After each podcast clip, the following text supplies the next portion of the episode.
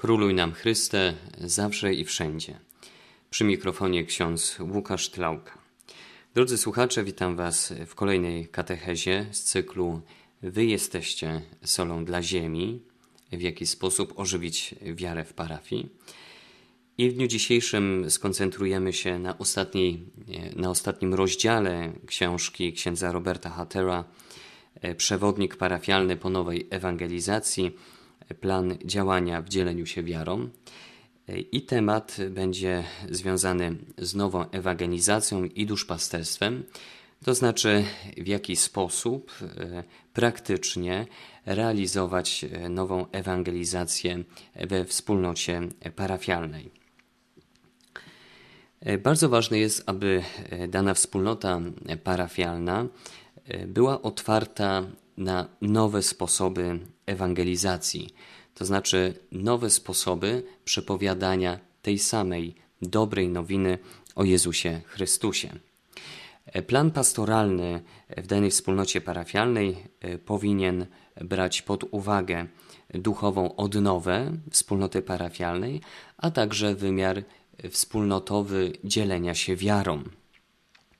Mamy różne modele ewangelizacyjne.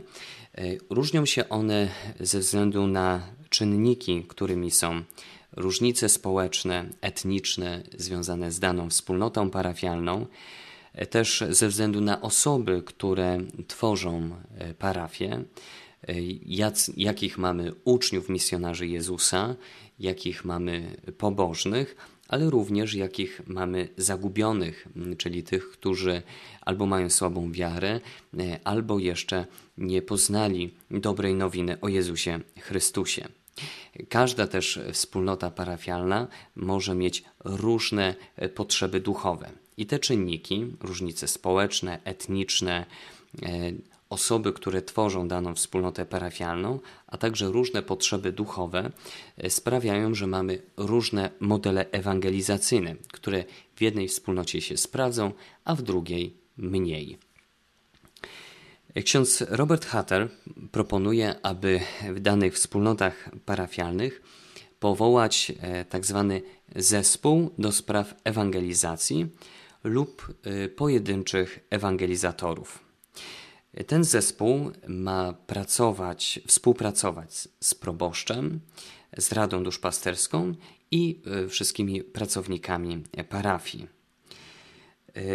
E, bardzo ważne jest, aby uświadamiać e, odpowiedzialność osób za ewangelizację we wspólnocie parafialnej.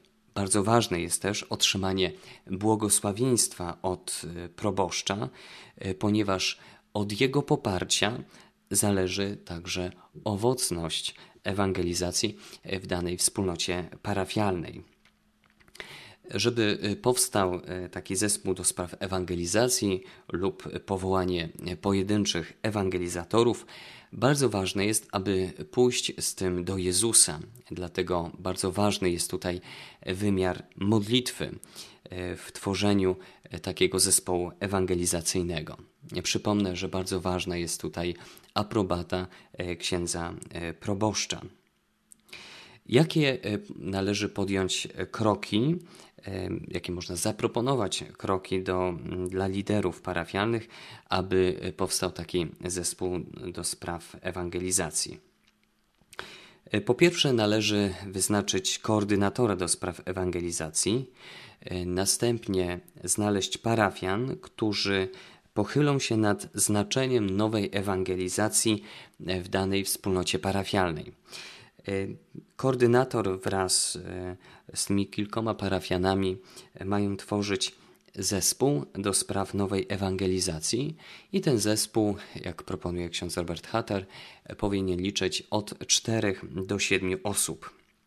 Co jest bardzo ważne, e, ten zespół do spraw ewangelizacji nie ma być odpowiedzialny za ewangelizację e, bezpośrednią w parafii. Taki zespół ma rozeznawać metody ewangelizacyjne, które można zastosować w danej wspólnocie parafialnej. Ma zadanie nadzorowania ewangelizacji w parafii. Pociąga innych do działania. Zespół do spraw ewangelizacji, który tworzą od 4 do 7 osób, cechy takich osób powinny być takie jak aktywne zaangażowanie, następnie osoby, które są odznaczają się entuzjazmem w przeżywanej wierze i także posiadają zdolność do pociągania innych e, do Jezusa. Czyli te osoby, które przynależą do, mają przynależeć do zespołu do spraw ewangelizacji, są osobami aktywnymi, przeżywającymi entuzjazm e, ze względu na swoją wiarę i mają zdolność do pociągania innych do Jezusa. Następnie e, należy zdecydować, jak zespół do spraw ewangelizacji ma rozpocząć swoją działalność. I tutaj y, bardzo ważna jest modlitwa, następnie zdolność rozeznawania, potrzeba formacji, czyli pochylenia się nad Pismem Świętym, a także nauczaniem Kościoła związanym z nową ewangelizacją. Czyli e, taki zespół do spraw ewangelizacji przede wszystkim ma się formować, ma się spotkać z Jezusem na modlitwie i poznawać nauczanie Kościoła e, na temat nowej ewangelizacji. Bardzo ważne, e, aby zespół unikał pokus, które mogą się pojawić. Tymi pokusami jest pragnienie natychmiastowych rezultatów oraz tak zwany aktywizm. Mianowicie nowa ewangelizacja potrzebuje e, w danej wspólnocie parafialnej czasu e, i e, nie możemy od razu spodziewać się wielkich rezultatów. Ksiądz Robert Hutter przedstawia kilka propozycji, w jaki sposób zespół do spraw ewangelizacji ma rozpocząć działalność w danej wspólnocie parafialnej. Warto rozpocząć od dnia skupienia lub rekolekcji e, dla takiego zespołu. E, taki zespół powinien spotykać się e, co tydzień i w czasie tych cotygodniowych spotkań powinien być czas na modlitwę, na czytanie Pisma Świętego, na pogłębianie nauczania Kościoła na temat ewangelizacji i należy odkrywać Mm, żeby być jak Jezus i jego uczniowie, e, to znaczy odkrywać w jaki sposób Jezus ewangelizował i jak jego uczniowie kontynuowali ewangelizację w świecie. Jeżeli nie będzie formacji e, duchowej i intelektualnej, może pojawić się współzawodnictwo, ekskluzywizm i koncentracja na liczbach. Bardzo ważne, aby sobie uświadomić, że taki, e, takie działanie zespołu, który pogłębia, czym jest e, ewangelizacja w danej wspólnocie parafialnej, może to zająć nawet kilka miesięcy. Warto, żeby zadawać sobie pytania, jak można zastosować przesłanie Jezusa w naszej parafii, jakie są potrzeby parafian. Sam ksiądz proboszcz powinien należeć do zespołu e, do spraw ewangelizacji, albo przynajmniej powinien być informowany o pracy e, takiego zespołu. Przypomnę, że zespół nie jest odpowiedzialny za e, całą ewangelizację, ale ma pomagać w rozeznawaniu metod ewangelizacyjnych w danej wspólnocie parafialnej. Co dalej? Bardzo ważna jest współpraca i przywództwo proboszcza. To właśnie proboszcz e, danej wspólnoty parafialnej poprzez swoje głoszenie, katechezę, a także decyzje administracyjne i finansowe e, ma e, skutecznie realizować ewangelizację w danej wspólnocie parafialnej. Bardzo ważna jest tutaj osoba księdza proboszcza, który powinien być otwarty na nowe sposoby ewangelizacji. Następnie ksiądz proboszcz z osobna powinien zapraszać różnych liderów e, działających w parafii, e, różne osoby odpowiedzialne za grupy dotyczące dzieci, młodzieży, dorosłych, e, zapraszanie katechetów, radę duszpasterską i ekonomiczną, służbę liturgiczną, zespół charytatywny. Mianowicie osoby odpowiedzialne za dane, za dane wspólnoty, za dane grupy działające we wspólnocie parafialnej mają zrozumieć potrzebę ewangelizowania we wspólnocie parafialnej. To właśnie ci odpowiedzialni, liderzy w parafii, mają mieć świadomość e, nowej ewangelizacji. I ksiądz proboszcz jest zaproszony, aby pomagać e, liderom i odpowiedzialnym e, właśnie w zdobywaniu takiej świadomości, tożsamości ucznia misjonarza Jezusa Chrystusa. Warto też zastanowić się nad zatrudnieniem osób zaangażowanych w ewangelizację. Chodzi o to, że zespół do spraw ewangelizacji ma mieć wymiar stały. E, osoby mają być świadome ewangelizacji e, i oni nie potrzebują nowych struktur, rad, e, dodatkowych rad. Ważna też jest roztropność w finansach. Chodzi o to, że zespół do spraw ewangelizacji nie musi tworzyć nie wiadomo jakich, jak, nie wiadomo jak nowych e, struktur w danej wspólnocie parafialnej. Warto, żeby rozeznawać to, co jest i umieć odpowiednio to przekształcać. Następnym krokiem jest wyjście tych odpowiedzialnych za dane grupy, liderów w danej e, E, wspólnocie parafialnej do wszystkich, którzy tworzą daną wspólnotę parafialną. Parafia jest ewangelizowana przez różnych liderów, rady, grupy, przy konsultacji i wsparciu zespołu do spraw ewangelizacji. Ważne jest wypracowanie planu ewangelizacji w parafii, który może być przedstawiony przez Radę Duszpasterską. Następnie zespół do spraw ewangelizacji może nanieść poprawki, jeżeli chodzi o dany plan, a sam plan zatwierdza ksiądz proboszcz. Czyli ważny jest plan w parafii zaproponowany przez Radę Duszpasterską, zweryfikowany przez zespół do spraw ewangelizacji i zatwierdzony przez księdza proboszcza. Plan ma dotyczyć potrzeb wspólnoty parafialnej, czyli tych potrzeb, które dotyczą uczniów misjonarzy Jezusa, w jaki sposób mają pogłębiać swoją relację z Jezusem, następnie uświadamianie pobożnych, e, że mają stawać się uczniami misjonarzami Jezusa, że praktykowanie e, nie jest wystarczające, Najważniejsze jest bycie uczniem Jezusa i pociąganie innych. I także ten plan ma dotyczyć zagubionych, czyli określeniem tych, którzy jeszcze nie znają Jezusa Chrystusa, albo ich wiara jest e, osłabiona. W jaki sposób można właśnie dotrzeć e, do takich osób? Ważna jest w tym planie e, duszpasterskim, mm, ewangelizacyjnym współpraca między liderami odpowiedzialnymi za e, dane grupy e, w danej wspólnocie parafialnej. Ten plan ma przedstawiać także propozycje działań, a także terminy ewaluacji i metody, które można zastosować. Pomocne będzie przeprowadzenie rekolekcji ewangelizacyjnych, ważne jest, że ewangelizacja ma charakter stały, pomimo zmieniających się odpowiedzialnych. Mianowicie e, osoby mogą zmieniać się w różnych grupach, e, zespołach, natomiast sam, sama, sam zespół, ale także cała ewangelizacja we wspólnocie parafialnej ma mieć element stały. Jest to ciągły proces.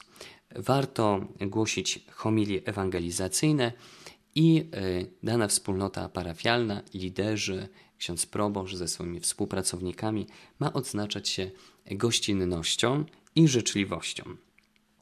Ma być także stworzona przestrzeń na pogłębianie wiedzy, jeżeli chodzi o Pismo Święte, nauczanie Kościoła i także docieranie do potrzebujących. Ważne jest przygotowywanie także nowych ewangelizatorów w parafii poprzez odpowiednie e, szkolenia. Bardzo ważne jest e, tak zwane przywództwo personalistyczne. E, bardzo ważne jest silne przywództwo proboszcza i pracowników e, parafii. I tutaj chciałbym przedstawić przykład, jaki podaje ksiądz Robert Hutter w swojej książce. Parafia wymaga silnego przywództwa proboszcza i pracowników, żeby możliwie najskuteczniej realizować cel, którym jest bycie parafią ewangelizującą. Za dobry przykład może posłużyć parafia świętego Atanazego. Przez całe lata parafianie próbowali tam ewangelizować na różne sposoby.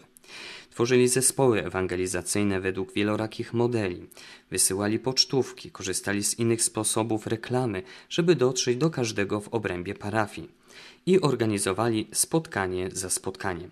Efekty były minimalne.